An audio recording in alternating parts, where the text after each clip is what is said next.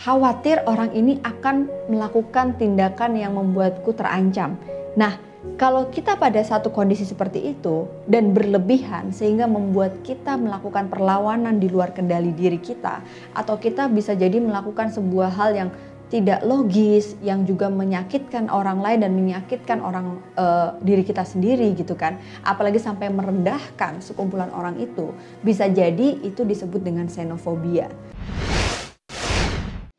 Assalamualaikum teman-teman, ketemu lagi di Analisa Channel dan belakangan ini aku lagi cukup sering dengar semua orang ngebahas tentang rasisme di seluruh dunia. Semuanya berawal dari simpati mening simpatinya meninggalnya eh, George Floyd, seorang Amerika kulit hitam yang meninggal di Amerika Serikat belum lama ini. Nah, singkat cerita gini ya teman-teman dari beberapa info yang aku dapetin dari media, yaitu George Floyd ini tuh ceritanya lagi berbelanja di sebuah minimarket, terus dia dituduh menggunakan uang palsu. Gak lama kemudian si pemilik toko ini uh, mendatangi George Floyd dan aku nggak tahu sih waktu itu videonya juga nggak jelas mereka ngomong apa dan akhirnya pemilik toko ini menelpon polisi untuk menangkap George Floyd. Polisi datang, ada empat orang polisi yang datang ke mobil George Floyd dan mungkin George Floyd sempat melakukan perlawanan sedikit dan membuat akhirnya empat polisi ini menangkap dengan cara memborgol dan juga menjatuhkan Joshua ke jalan, kemudian dicekik di bagian leher. Aduh sedih banget nih waktu ngeliat videonya, aku kayak nggak tega gitu karena e, memang kan nggak boleh ya ketika seorang polisi melakukan e, pencekikan lewat leher. Jadi kalau kita lihat dari beberapa info e, yang beredar juga bagian ini tuh yang paling bisa kalau dengan kondisi kayak gitu bisa membahayakan atau membuat orang tuh tidak bisa bernafas. Dan benar dari video itu tertangkap bahwa Josh Floyd sempat mengungkapkan ketika dia benar-benar nggak bisa bernafas, I can't breathe, terus kayak dia memanggil mama, mama, dan dia bilang untuk polisi segera memindahkan badannya karena dicekiknya dengan lutut, terus dia pengen masuk ke mobil nggak bisa bergerak gitu. Dan nggak lama kemudian suara George Floyd ini tuh kayak hilang dan dia meninggal dunia sebelum dia diangkat ke ambulans. Sempat tertangkap oleh banyak orang yang uh, ada di jalan, bahkan mereka sempat berantem sama polisi untuk segera memindahkan kaki George uh, kaki polisi ini dari lehernya George Floyd tapi polisi justru malah membela diri dan nggak lama kemudian George Floyd ini meninggal dunia. Sedih banget uh, dan dari situ tuh aku kayak cukup menangkap gitu bahwa simpati seorang George Floyd meninggal ini tuh membuat kita tuh jadi sadar bahwa ini ada isu rasisme karena pas banget polisinya Amerika kulit putih dan si George Floyd ini adalah kulit hitam. Aku nggak ngebayangin kalau misalnya ini terjadi pada polisi dengan kulit putih dan George Floyd ini adalah Amerika kulit putih, mungkin isunya nggak akan terjadi rasisme gitu kan. Isunya adalah kriminalitas dan mungkin ada kesalahan prosedur dalam menangkap uh, pelaku kejahatan.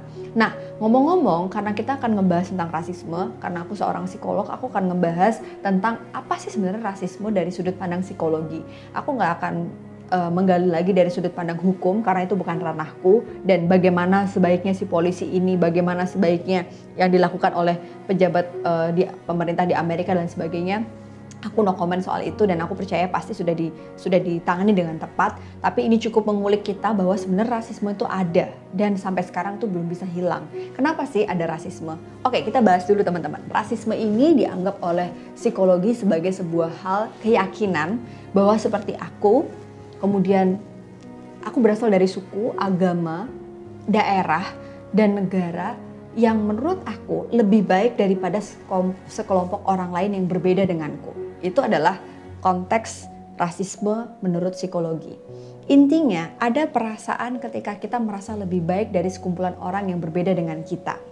Nah, ada nih teman-teman yang cukup menarik setelah aku gali lagi, di psikologi itu ada istilah yang disebut dengan xenofobia, yaitu sebuah jenis fobia yang di mana seseorang itu akan merasa cemas ketika dia bertemu dengan orang yang asing atau berbeda dengan kondisinya.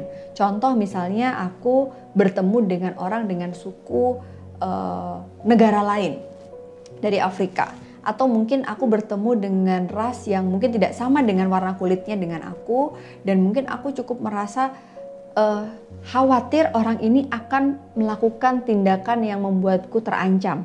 Nah, kalau kita pada satu kondisi seperti itu dan berlebihan sehingga membuat kita melakukan perlawanan di luar kendali diri kita atau kita bisa jadi melakukan sebuah hal yang tidak logis, yang juga menyakitkan orang lain dan menyakitkan orang uh, diri kita sendiri gitu kan. Apalagi sampai merendahkan sekumpulan orang itu, bisa jadi itu disebut dengan xenofobia.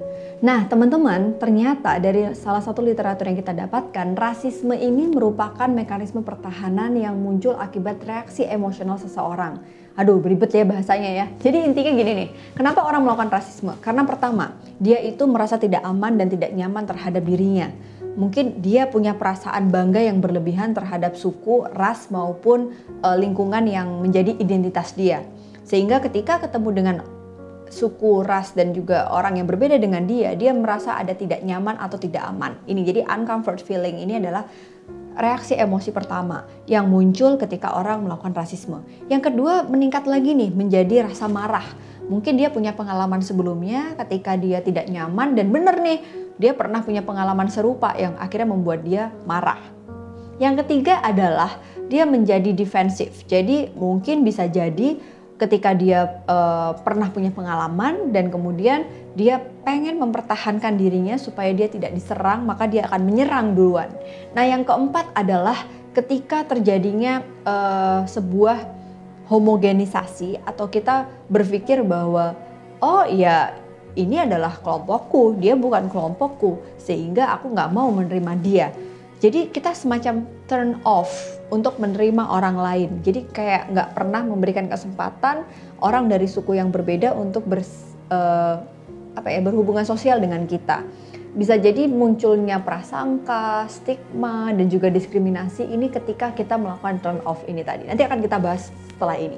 Nah, yang terakhir adalah mungkin kita merasa helpless atau bisa jadi ketika dalam kondisi yang memang kita sudah berulang untuk memberikan um, toleransi, tapi ternyata kita selalu merasa dirugikan terus ketika kita melakukan toleransi itu. Sampai akhirnya kita ya udah deh aku sekarang nggak mau lagi ketemu sama rasis ini. Nah ras ini gitu. Jadi akhirnya pengalaman itulah yang membentuk dia menjadi rasisme.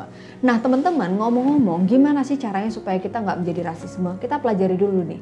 Tahapan orang melakukan rasisme itu biasanya yang pertama adalah dia biasanya melakukan prasangka atau prejudice. Dalam prejudice ini kita selalu melakukan prejudgment. Jadi ini kayak suudon gitu kayak kita belum mengenal tapi kita sudah punya stereotyping. Nah, tahapan berikutnya setelah kita prasangka kita muncul sebagai sebuah hal yang negatif, kita melakukan labeling atau stereotype tadi. Kita meng overgeneralize atau kita mengeneralisasi bahwa semua orang yang warna kulit ini akan seperti ini gitu. Jadi kita melakukan labeling. Nah, yang ketiga baru kita diskriminasi menjadi sebuah behave atau action nyata memang benar-benar kita itu rasis atau kita benar-benar melakukan perbedaan perilaku ketika kita bertemu dengan sekelompok orang tersebut. Nah, teman-teman, itu tadi memang agak berat ya pembahasan tentang rasisme dari sudut pandang ilmu psikologi. Tapi aku harap teman-teman bisa memahami karena meskipun banyak istilah-istilah yang cukup berat, tapi ini juga sensitif jadi aku berusaha untuk hati-hati banget nih ngebahasnya. Memang soal rasisme ini bukan hal yang mudah dan bukan hal yang bisa gampang kita hindari. Seperti yang disampaikan oleh salah satu uh, public figure kita yaitu Ernest, aku sempat nonton uh, Ernest ini ngebahas tentang rasisme emang kasus George ini tuh kayak mengundang banyak perhatian public figure dan Ernest salah satunya ngebahas aku setuju nih gimana caranya kita supaya nggak rasisme? Yang pertama adalah kita harus perluas pergaulan kita berteman dengan siapa pun yang berbeda. Meskipun kita berbeda kita harus berteman dengan mereka. Dengan seperti itu kita akan lebih mengerti orang-orang yang berbeda itu ternyata tidak bahaya atau sama saja dengan kita. Dengan mengenal dan mengerti tidak ada perasaan rasis dan akibatnya kita bisa lebih berempati bertoleransi dan kita punya satu kecerdasan emosi dalam berperilaku sosial di lingkungan sekitar kita. Jadikan Indonesia sebagai negara yang anti rasis, semoga kita bisa hidup damai dan kita tidak perlu ada saling membenci karena perbedaan. Karena semua manusia itu adalah ciptaan yang sama.